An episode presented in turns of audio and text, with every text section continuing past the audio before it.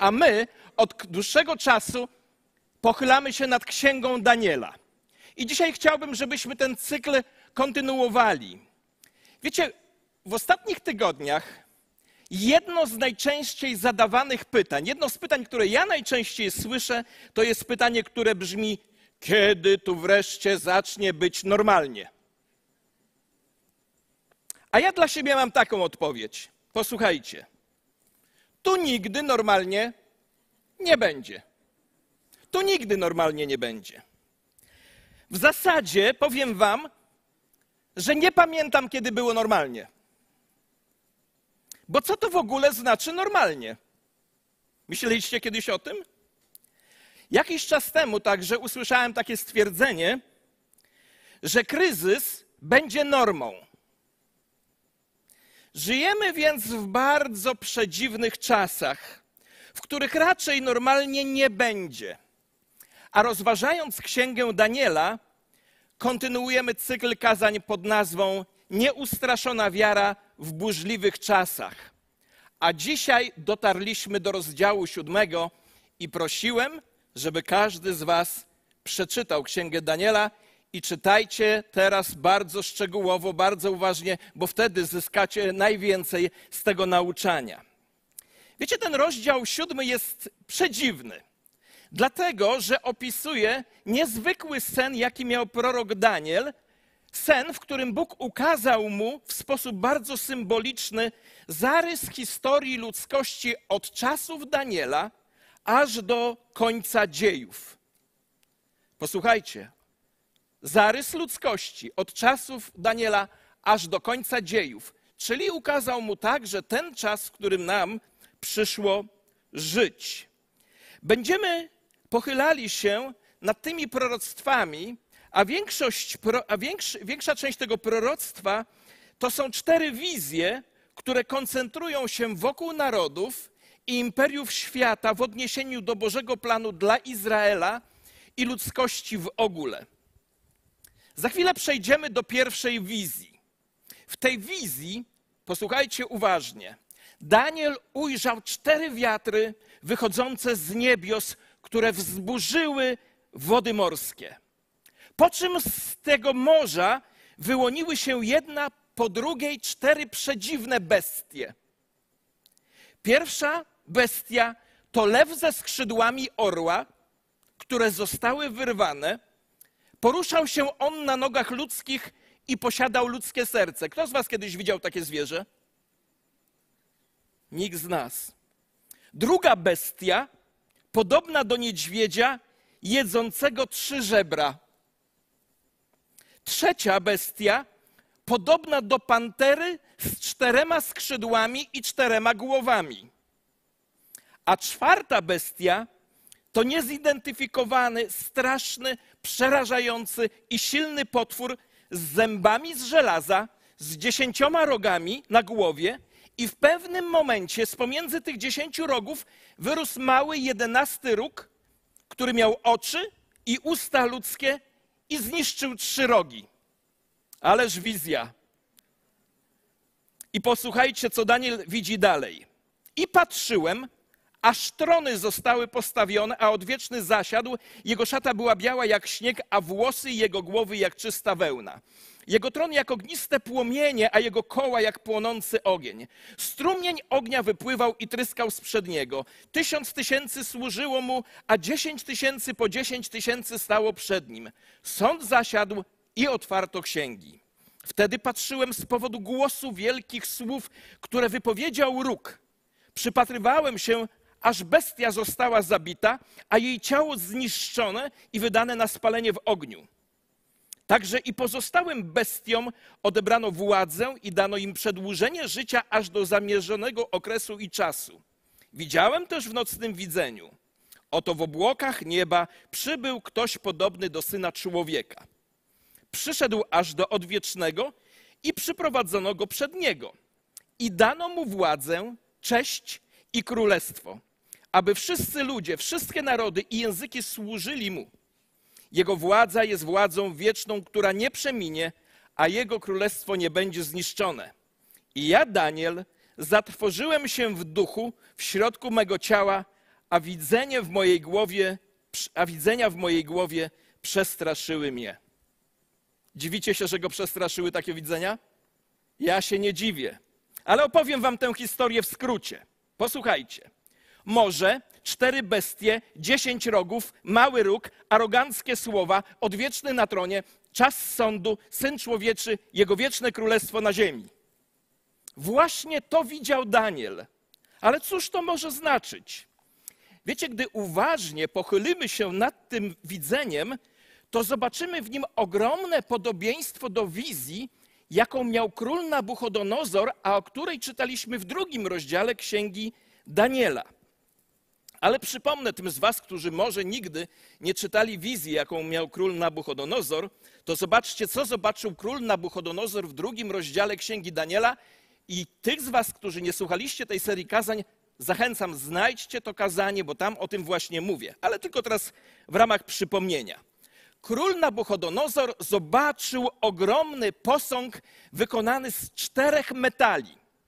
Głowa ze złota, pierś ze srebra, uda z brązu, nogi z żelaza i stopy z mieszanki żelaza i z gliną. I nagle spadający z góry kamień uderza w stopy tego posągu, rozbija go na kawałki, a potem ten kamień rośnie i wypełnia całą ziemię. I Daniel wyjaśnił wówczas królowi, że cztery metale reprezentują cztery kolejne imperia światowe. A my z historii wiemy, że były to Babilon, Medopersja, Grecja i Rzym. Daniel wyjaśnił, że stopy z żelaza i gliny reprezentują rozpad czwartego królestwa, czyli Rzymu, na różne kraje, niektóre silne, niektóre słabe. A kamień, który uderzył w stopy tego posągu, to drugie przyjście Jezusa Chrystusa, aby zniszczyć wszelkie stworzone przez człowieka królestwa i ustanowić Jego królestwo na ziemi. To było w rozdziale drugim. A w rozdziale siódmym, który teraz omawiamy, anioł mówi Danielowi, że cztery bestie reprezentują cztery królestwa. Tam Daniel miał objawienie, że ten posąg to są cztery królestwa, potem piąte. A tutaj Daniel ma, anioł mówi mu, że cztery bestie reprezentują cztery królestwa, które zostaną zniszczone, a powstanie niezniszczalne Królestwo Boże, które posiądą święci Najwyższego i posiądą je na wieki wieków. Amen. I posłuchajcie dalej, bo spróbujemy choć trochę rozjaśnić znaczenie tego snu Daniela. Będziemy, ją, będziemy ten sen, tą wizję porównywać z wizją Nabuchodonozora i dzięki temu, choć odrobinę, spróbujemy go zinterpretować. Pozwólcie, że najpierw zaproponuję, zaproponuję taką oto interpretację, która dla mnie osobiście jest najbliższa. Zbiornik wodny, który Daniel widział, to dudniące zgiełkiem ludzi, narodów walczących ze sobą morze chaosu. I nagle z tego chaosu wyłaniają się cztery królestwa symbolizowane przez cztery bestie a w dniach ostatecznych nastąpi piąte królestwo, królestwo Boże na ziemi, które zostanie ustanowione, gdy Pan Jezus powróci w swojej wielkiej mocy i chwale.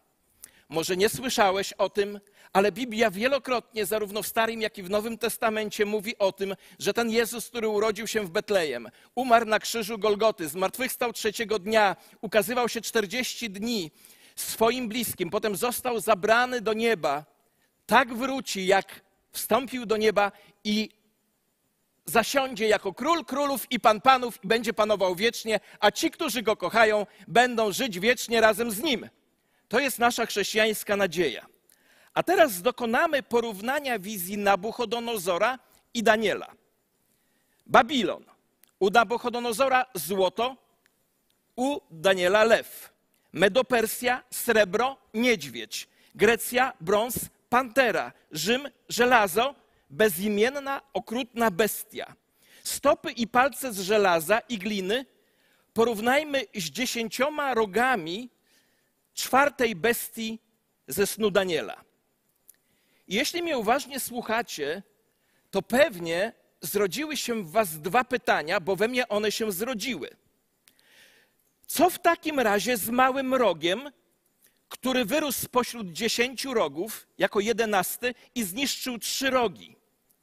A tego właśnie małego rogu z niczym nie możemy porównać wizji Nabuchodonozora.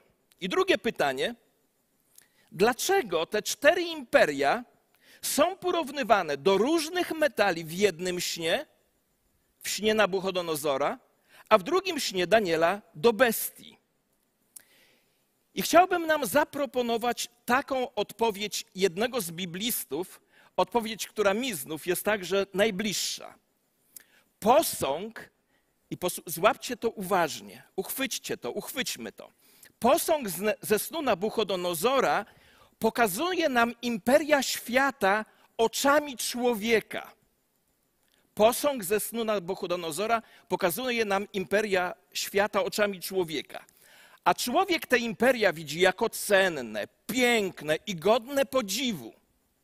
Natomiast w rozdziale siódmym Księgi Daniela widzimy te same królestwa, ale oczami Boga. W oczach Bożych te królestwa są jak dzikie bestie, wynaturzone potwory, nastawione na podbój, grabież, zniszczenie i dominację. Posłuchajcie uważnie. My widzimy światowy blask imperiów.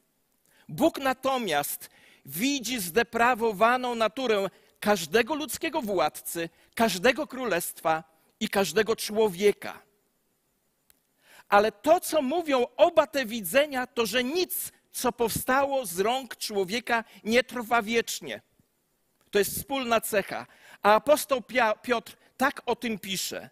To wszystko ma się rozpłynąć, to wszystko ma ulec zagładzie.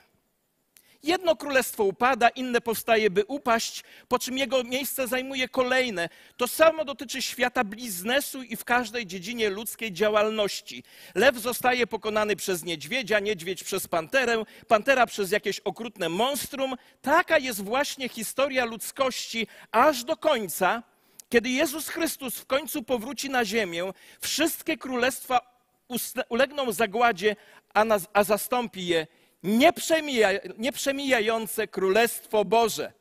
To jest nasza nadzieja. Nieprzemijające Królestwo Boże. A teraz przyjrzyjmy się, się panoramie siódmego rozdziału Księgi Daniela. Mam nadzieję, że Was to zainteresuje. Posłuchajcie na panoramę dziejów z, księgi, z perspektywy siódmego rozdziału Księgi Daniela. Pierwsze.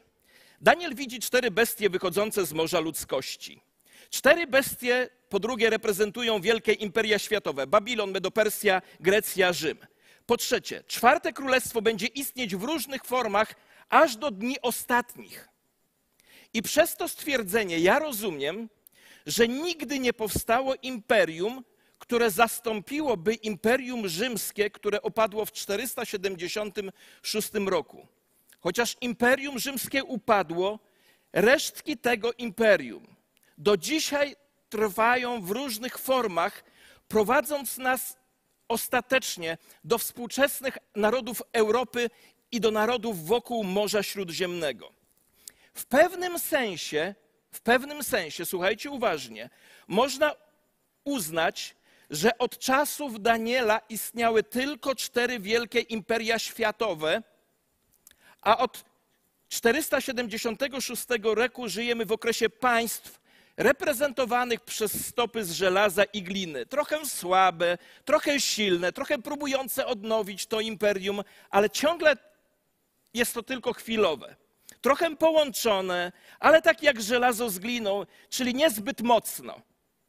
Wiecie, nie wiem jak wy, ale dla mnie nie trudno się dopatrzeć analogii do współczesnej Europy i krajów Morza Śródziemnego, basenu Morza Śródziemnego. Oczywiście mamy imperia na innych kontynentach, ale my, tak jak Biblia, koncentrujemy się na tych wokół Izraela, bo Izrael jest Bożą ziemią wybraną. Izrael jest Bożą ziemią wybraną dla Bożego ludu, wybranego. Biblia spogląda zarówno na historię, jak i na geografię z perspektywy narodu wybranego, z perspektywy Izraela, nie poświęcając zbyt wielkiej uwagi innym imperiom, które nie miały większej styczności z Izraelem, mimo, posłuchajcie uważnie, że są bardzo ważne w, szer w szerszej perspektywie historii świata. Po czwarte, dziesięciu królów powstanie z czwartego królestwa. Dla mnie osobiście tych dziesięciu królów reprezentuje narody czasów ostatecznych, które w jakiś sposób będą powiązane terytorialnie z byłym cesarstwem rzymskim. Piąte, jeden król powstanie spośród dziesięciu królów i stanie się dominujący. Szczerze mówiąc, nie wiemy, kim będzie ta osoba, ani jak dojdzie do władzy, ani jak ujarzmi trzech z dziesięciu królów. Wszystko to stanie się w dniach poprzedzających przyjście Chrystusa. Zwykle, po szóste, tego ostatniego króla nazywamy antychrystem. I rozdział siódmy Daniela pierwszy raz w pewien sposób daje rozszerzone objawienie na jego temat. Dalsze informacje znajdują się w Nowym Testamencie. Po siódme, antychryst będzie arogancki, zaatakuje świętych i będzie bluźnił Bogu. W wizji Daniela można to zobaczyć w charakterystyce tego małego rogu, który wyrósł spośród tych dziesięciu. Można tam zobaczyć jego arogancję, prześladowanie wierzących i bluźnienie Bogu. Za tydzień będę mówił o odniesieniu do pewnego króla, który już żył w dawnych czasach. W końcu ten mały róg ustanowi, ten król ustanowi siebie jako Boga na ziemi i rozkaże wszystkim ludziom, aby go czcili. A Daniel w siódmym rozdziale, w dwudziestym piątym wierszu dodaje taką tajemniczą informację. Posłuchajcie ją uważnie, bo ona jest interesująca. Tenże antychryst, tenże człowiek będzie zamierzał zmienić czasy i prawa. To jest bardzo mocne stwierdzenie. Póki co do końca nie wiemy, co to znaczy, ale możemy być pewni, że zaatakuje on moralne fundamenty społeczeństwa, co już w zasadzie ma miejsce. Przecież sami dzisiaj na naszych oczach widzimy, że to, co kiedyś określano jako zło, dziś staje się normą ogólnie akceptowaną. Ósme. Antychryst będzie u władzy przez jakiś czas, ale zostanie nagle zniszczony przez Boga. Posłuchajcie. Prawa i czasy będą wydane w jego ręce aż do czasu, czasów i połowy czasu. Dziewiąte. Jezus Chrystus jest królem, który pokona antychrysta i ustanowi swoje królestwo na ziemi. Kochani, to jest nadzieja chrześcijan. To jest ta nadzieja, za którą ludzie oddawali życie na przestrzeni całej ludzkości. Część biblistów tę wielką bitwę między Chrystusem a Antychrystem, część biblistów odnajduje w objawieniu świętego Jana, w takim oto fragmencie. I zobaczyłem bestię i królów ziemi i ich wojska zgromadzone, by stoczyć bitwę z tym, który siedzi na koniu i z jego wojskiem. I schwytana została bestia, a z nią fałszywy prorok, który czynił przed nią cuda, jakimi zwiódł tych, którzy przyjęli znamię bestii i oddawali pokłon jej wizerunkowi. Oboje zostali żywcem wrzuceni do jeziora ognia płonącego siarką. Inaczej mówiąc, kimkolwiek jest antychryst, on całkowicie będzie pokonany i wrzucony do jeziora ognistego, a lud Boży powinien na to powiedzieć Amen. To będzie ostateczne przeznaczenie tego małego rogu. Po dziesiąte, święci Boży odziedziczą królestwo i będą królować z Chrystusem na zawsze. Poglądów, podejść, interpretacji dziejów ludzkości z perspektywy biblijnej jest bardzo, bardzo, bardzo wiele. Nie ma więc się co upierać o jej szczegóły. Jest jednak rzecz, w której wszyscy powinniśmy być zgodni. A tą rzeczą jest koniec historii. Królestwa ziemskie upadną, a zapanuje Królestwo Boże, a Boży lud będzie panował z Panem Jezusem na zawsze. I to jest najlepsza wiadomość siódmego rozdziału Księgi Daniela. Jezus Chrystus ostatecznie zwycięża, a ci, którzy są z Nim połączeni przez wiarę, uczestniczą w Jego triumfie. Przez chwilę spójrzmy jeszcze troszeczkę na historię widzianą oczami Boga. Bo historia z siódmej, siódmego rozdziału Księgi Daniela uczy nas bardzo ważnych lekcji z punktu widzenia Boga. Po pierwsze, Bóg postrzega historię ludzkości jako ciąg imperiów zbudowanych na niemoralności, chciwości i przemocy. Ja mam taki wiersz, który usłyszałem lata temu w przedstawieniu teatralnym. Raz go usłyszałem i go pamiętam. Władza ludzi doprowadza do szaleństwa, okrucieństwa i do łez. Władza ludzi wszystko zmienia. Serce mają więc z kamienia twardy głaz.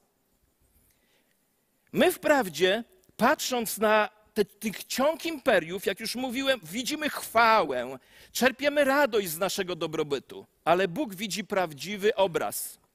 Po drugie, historia ludzkości zmierza w stronę moralnego upadku pod rządami antychrysta. Gdy pomijasz Chrystusa, dostajesz antychrysta. Kiedy usuniesz Boże przykazania, dostajesz mętne wypociny ludzkich jakiejś mądrości czy filozofii. W moim przekonaniu antychryst powstaje na przestrzeni wszystkich dziejów, na każdym terytorium i pod różnymi postaciami i ideami, gdzie ludzie rezygnują z Boga. A to dlatego, że natura nie znosi próżni. Duchowa natura nie znosi próżni. Kiedy rezygnujesz z Boga, musisz wypełnić pustkę antybogiem, którym możesz stać się nawet ty sam. Po trzecie, historia ludzkości w pewnym momencie po raz kolejny uży bezpośrednią interwencję Pana Boga. I to jest wspaniała wiadomość dla wierzących i przerażająca wiadomość dla niewierzących, dla tych, którzy Boga odrzucają. Posłuchajcie, co powiedział Jezus. A jak było za dni Noego, tak będzie i za dni Syna Człowieczego. Jedli, pili, żenili się i za mąż wychodzili, aż do dnia, w którym Noe wszedł do arki i nastał potop i wszystkich wytracił. Podobnie jak działo się za dni Lota. Jedli, pili, kupowali, sprzedawali, sądzili, sadzili, budowali, lecz tego dnia, gdy Lot wyszedł z Sodomy, spadł z nieba deszcz ognia i siarki i wszystkich wytracił. Tak też będzie w dniu, kiedy Syn Człowieczy się objawi. I po czwarte, kiedy Chrystus ustanowi swoje królestwo, Jego święci będą panować razem z Nim. Inaczej mówiąc, Jezus zwycięży, a my otrzymamy królestwo od Niego. I teraz posłuchajcie niezwykle ważnej refleksji, bardzo ważnej. Znaczna część wizji Daniela już się wypełniła. Czwarte królestwo Rzym przestał istnieć 1600 lat temu to powinno dać nam pewność, że reszta wizji Daniela będzie kiedyś dosłownie wypełniona.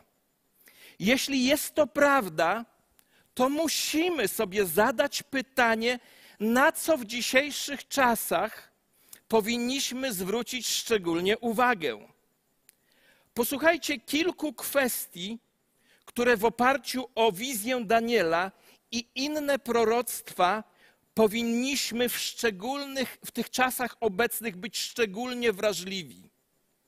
Wiedząc o tym, że żyjemy w czasach ostatecznych, te czasy ostateczne właśnie są od chwili zesłania Ducha Świętego.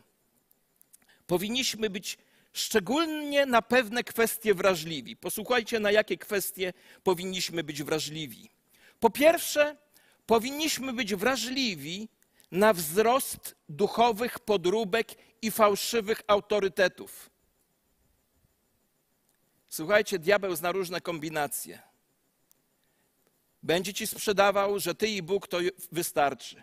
Będzie ci sprzedawał, że nie potrzebujesz kościoła, potrzebujesz tylko jakiejś małej grupy ludzi. Albo będzie ci sprzedawał, że nie potrzebujesz indywidualnej społeczności z Bogiem ani małej grupy, wystarczą ci wielkie zgromadzenia co niedziela czy co sobota, w zależności od Twoich przekonań. To tak nie działa. To tak nie działa. Powstanie bowiem, powstaną bowiem fałszywi Chrystusowie i fałszywi prorocy i będą czynić wielkie znaki i cuda, żeby zwieść, o ile można, nawet wybranych. Mocne słowo. Wiecie, pamiętam historię z mojego pastorowania w jednym mieście, nie powiem wam w jakim, Ale zaczął pojawiać się człowiek, a my mieliśmy taki czas na nabożeństwie, że mówiliśmy, kto chce powiedzieć jakieś świadectwo, niech wstanie, niech powie. I ktokolwiek przyszedł, mógł powiedzieć. I nagle powstał człowiek i zaczyna opowiadać. Dla mnie były to przedziwaczne rzeczy. Ja nie czułem komfortu w tym. I to się powtarzało co nabożeństwo. Wiecie, ja, to, ja mam taką, ci, którzy mnie znają lepiej, wiedzą, że ja mam taką naturę, że przez 10 lat nic nie mówię, potem mówię tylko raz i potem żałuję, że już to powiedziałem. I wtedy sobie pomyślałem, nie, następnej niedzieli muszę, y, nie, nie, nie, nie, może być tego czasu, że każdy, kto chce coś powiedzieć, może powiedzieć, bo muszę najpierw z tym człowiekiem porozmawiać. Ale w pewnym momencie sobie pomyślałem, a po co będę tak robił? Przecież nikt nie pójdzie za takimi bzdurami, co on mówi. I nagle słyszę, i zwiodą wielu. Mówię, u, coś muszę zrobić. I wiecie, tego dnia nie prowadziłem nabożeństwa i zapomniałem poprosić prowadzącego, żeby nie robił tego czasu, że każdy może podejść i swobodnie powiedzieć, co chce. I gdy tylko on powiedział, prowadzący, niech wstanie osoba, która chce coś powiedzieć, ma jakieś słowo do nas, wstał ten człowiek i zaczął opowiadać, że widział osobiście Pana Boga, że Pan Bóg jest piękniejszy od pięk najpiękniejszej kobiety. Ja słucham i wers ze słowa, Boga nikt nigdy nie widział co tu zrobić? Więc jak on wziął oddech, to ja wstałem i powiedziałem: Bardzo bratu dziękujemy, proszę usiąść, kontynuujemy nabożeństwo. I przez całe nabożeństwo mówię sobie: Po nabożeństwie go rozstrzelam. Skończyło się nabożeństwo, proszę go o rozmowę.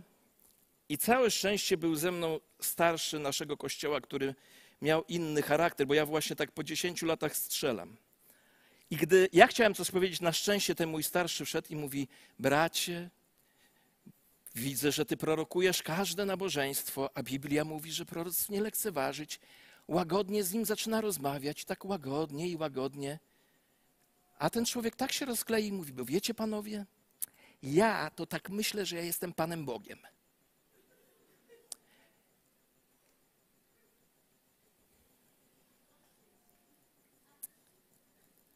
Bądź wyczulony. Bądź wyczulony, bo po pierwsze będzie wzrost duchowych podróbek i fałszywych autorytetów. Wiecie, jaka podróbka jest najlepsza? Wiecie jaka? Najbardziej zbliżona do oryginału. Nie znam kogoś, kto by groszówki podrabiał. Ale, wie, ale poznałem ludzi, którzy podrabiali cenne banknoty. Druga rzecz. Bądź wyczulony na liderów mających jednowładcze, ogólnoświatowe, narodowe, nacjonalistyczne, duchowe czy religijne zapędy mające jednowładcze zapędy. Nie idę za liderami, nie ufam liderom, którzy nie poddają się żadnemu autorytetowi albo lekceważą autorytety wcześniej ustanowione, czy to w postaci zapisów, czy w postaci innych ludzi. Dlatego zwróćcie uwagę w szczególny sposób na liderów, mają, którzy mają takie zapędy jednowładcze. Czy w kategoriach ogólnoświatowych, czy narodowych, czy nacjonalistycznych, czy duchowych, czy religijnych. Pojawi się ów niegodziwiec, czytamy w Biblii, którego Pan zabije duchem swoich ust i zniszczy blaskiem swego przyjścia. I posłuchajcie, ten niegodziwiec przyjdzie za sprawą szatana z całą mocą wśród znaków i fałszywych cudów, mówi apostoł Paweł. Po trzecie, bądź wrażliwy na wzrost rozlewu krwi i przemocy wśród narodów. Jezus mówi: Usłyszycie o wojnach, pogłoski o wojnach. Uważajcie, abyście się nie tworzyli. Wszystko to bowiem musi się stać, ale to jeszcze nie koniec. Powstanie bowiem naród przeciwko narodowi, królestwo przeciwko królestwu. Po czwarte, zwróć uwagę na zwiększenie wrogości wobec chrześcijan i przesyłania Ewangelii. To nie musi być taka wrogość typu będziemy strzelać do chrześcijan, ale będziemy ich kasować ze sfery publicznej, będziemy ich posądzać o, o różne rzeczy, jeśli oni będą trwali w swojej wierze i przy wartościach. Będziecie znienawidzeni, mówi Jezus, przez wszystkie narody z powodu mego imienia. Zwróć także uwagę, po piąte, na masowe odrzucenie biblijnych norm moralnych. Jezus mówi, wzmoże się nieprawość, a apostoł Paweł mówi, że w dniach ostatecznych ta nieprawość będzie coraz większa. Efektem tego jest to, że dzisiaj mamy bardziej naukę o tym, że się to wzięło z niczego zamiast stworzenia. Mamy powszechną niemoralność seksualną. Dzisiaj redefiniuje się małżeństwo i rodzinę. Kochani, gdy wiemy o tym, na co mamy zwrócić uwagę, to teraz na zakończenie przejdźmy do naszej postawy wobec tego, co do tej pory powiedzieliśmy, czyli jak powinniśmy żyć. Stąd tytuł dzisiejszego mojego nauczania brzmi: Jak żyć, gdy dzieje zbliżają się do końca? Po pierwsze, umocnij swoje zaufanie do Boga. Chociaż wiele rzeczy, które dzisiaj się wokół nas dzieją, nie mają żadnego sensu. Możemy ufać, że Bóg krok po kroku realizuje swój plan i doprowadzi go do chwalebnego końca. Apostoł Paweł tak to powiedział, bo będąc tego pewien, że ten, który rozpoczął w was dobre dzieło, dokończy je aż do dnia Jezusa Chrystusa. Po drugie, bądź cierpliwy, oczekując wypełnienia się Bożych planów. Pamiętaj, nie zwleka Pan ze spełnieniem obietnicy, jak niektórzy uważają, że zwleka, ale okazuje względem nas cierpliwość, nie chcąc, aby ktokolwiek zginął, lecz aby wszyscy doszli do pokuty. Bądź cierpliwy, Pan na pewno dokończy to, co zaczął. Po trzecie, nie pokładaj ufności w królestwach i zasadach tego świata. Nie pokładaj ufności w królestwach i zasadach tego świata. Nie miłujcie świata ani tego, co jest na świecie. Jeśli ktoś miłuje świat, nie ma w nim miłości Ojca. Wszystko bowiem, co jest na świecie, porządliwość ciała, porządliwość oczu i pycha życia, nie pochodzi od Ojca, ale od świata. A świat przemija wraz z porządliwością, ale kto wypełnia wolę Boga, trwa na wieki. Pamiętaj, że królestwo świata, korporacje świata, fundusze świata, kariery świata nadchodzą i odchodzą, powstają i upadają, a wkrótce wszystkie zostaną zniszczone przez Boga. W uczciwy sposób korzystaj ze świata, ale zastosuj wobec niego zasadę ograniczonego zaufania. Nie przywiązuj się zbytnio do niego i nie daj, Panie Boże, nie zakochaj się w nim. Po czwarte, pamiętaj o tym, że duch antychrysta jest bardzo, bardzo zwodniczy. Apostoł Jan napisał: Dzieci, to już ostatnia godzina, dwa tysiące lat temu tak powiedział. I jak słyszeliście, że antychryst ma przyjść, tak teraz pojawiło się wielu antychrystów. Stąd wiemy, że już jest ostatnia godzina. Dwa tysiące lat temu to było powiedziane. Na świecie jest już wielu antychrystów, których uwodzicielskim celem jest zachęcenie ludzi do, do podążania po ścieżce duchowej zagłady. Pozornie pokazują, że myślą o nas, ale tak naprawdę dbają tylko o siebie i nie powstrzymają się przed niczym, by zyskać zwolenników. Uważajcie na każdego, kto obiecuje Wam pokój, bezpieczeństwo i ochronę z pominięciem Pana Boga, bo tak naprawdę tylko Bóg jedynie daje pokój i bezpieczeństwo. Słyszycie?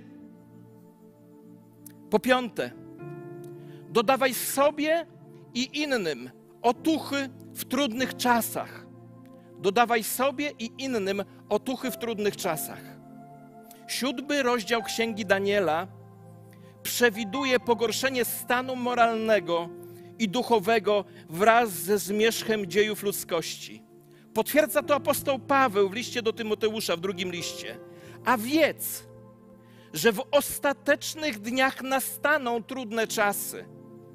Ludzie bowiem będą samolubni, chciwi, chełpliwi, pyszni, bluźniący, nieposłuszni rodzicom, niewdzięczni, bezbożni, bez naturalnej miłości, niedotrzymujący słowa, oszczercy, niepowściągliwi, okrutni, niemiłujący dobrych zdrajcy, porywczy, nadęci, miłujący bardziej rozkosze niż Boga. I dodaje bardzo mocne zdanie. Przybierający pobór, pozór pobożności, przybierający pozór pobożności, ale wyrzekający się jej mocy. To jest ciekawe, przybierają pozór pobożności, ale wyrzekają się mocy pobożności, bo moc pobożności objawia się w Twoim charakterze. I powiem Ci, ona się nie objawia we wzniesionych rękach na nabożeństwie, choć to bardzo cenimy i Bogu się to podoba.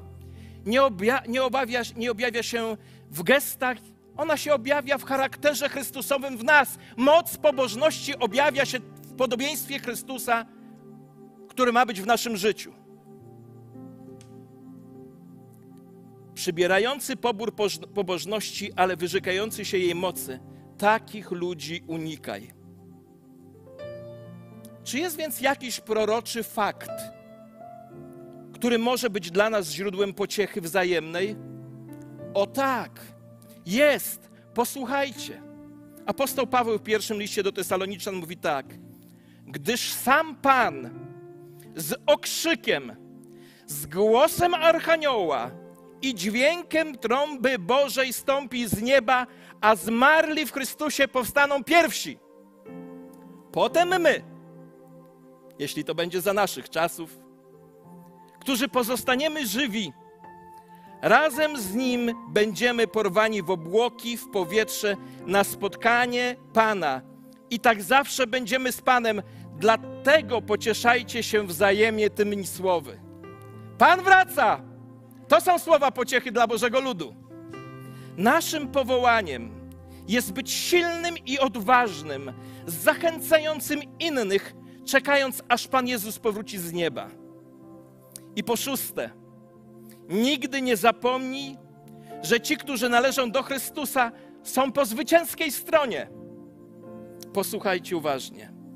Każdego dnia, pośród zamieszania, pośród frustracji, pośród samotności, pośród codziennych walk i zmagań, Bóg kładzie na ciebie i na mnie, na nas swoją rękę, kierując nasz wzrok ku górze gdzie on zasiada na tronie i trzyma historię w swoich rękach. We śnie, który miał Nabuchodonozor, w księdze Daniela drugim rozdziale, mówiłem o tym. Wielki kamień spadający z góry uderzył w posąg reprezentujący wszystkie imperia światowe, wszystkie systemy i roztrzaskał go w pył. Tym kamieniem jest Pan Jezus Chrystus. Czytamy, że dla jednych jest on kamieniem potknięcia, ale dla innych jest skałą zbawienia. Jest kamieniem, który choć został odrzucony przez budowniczych, stał się kamieniem węgielnym naszego zbawienia. Pewnego dnia ten kamień rozbije posąg światowych imperiów, one znikną z ziemi. Ale ty dziś musisz sobie zadać pytanie: gdzie ty będziesz, kiedy kamień uderzy w posąg? Gdzie ty będziesz? Jeśli będziesz na kamieniu, będziesz bezpieczny. Jeśli znajdziesz się pod kamieniem, zostaniesz rozbity w pył. Dlatego kończąc to nauczanie, chcę siebie i ciebie, każdego z nas zachęcić. Zbuduj swoje życie na kamieniu zbawienia Bożego, na skalę odwiecznej, na Panu Jezusie Chrystusie. Jeśli dziś staniesz na tym kamieniu, którym jest Jezus, to w ostateczne dni będziesz nadal na nim stać, gdy wszystko inne będzie się walić i znikać. Dlatego chcę Cię dzisiaj zaprosić. Postaw swoje życie na Chrystusie, który jest skałą wieczną, która się nie chwieje, a która zwycięży wszystkie królestwa tego świata, a tym, którzy na nim spolegli, złożyli swoje życie dla życia wieczne i wieczne panowanie razem z nim, czego sobie i Wam także z całego serca życzę. Amen. Pochylmy nasze głowy w modlitwie. Chcę pomodlić się o tych z Was, którzy wiedzą, że to jest, było słowo do Was. Dajcie znać przez podniesienie ręki, jeśli to było słowo do Was. Jest wiele rąk. Panie, dotknij te osoby swoją szczególną obecnością. A teraz chcę się pomodlić o tych z Was, którzy nigdy nie stanęli w wierze na tym kamieniu, którym jest Jezus. Nie powierzyliście swojego życia Jezusowi, a chcielibyście to uczynić. Dajcie znać przez podniesienie ręki, chciałbym się o to pomodlić. Czy jest ktoś z nas? Dziękuję bardzo. Czy jeszcze ktoś? Czy jeszcze ktoś jest? Panie, dziękuję Ci za te osoby, które chcą dzisiaj stanąć na skalę pewnej, skalę zbawienia, którą Ty jesteś sam, Panie Jezu. I dziękuję Ci, że jeśli oni chcą, a Ty tego pragniesz, to tak się stanie w Twoim cudownym imieniu.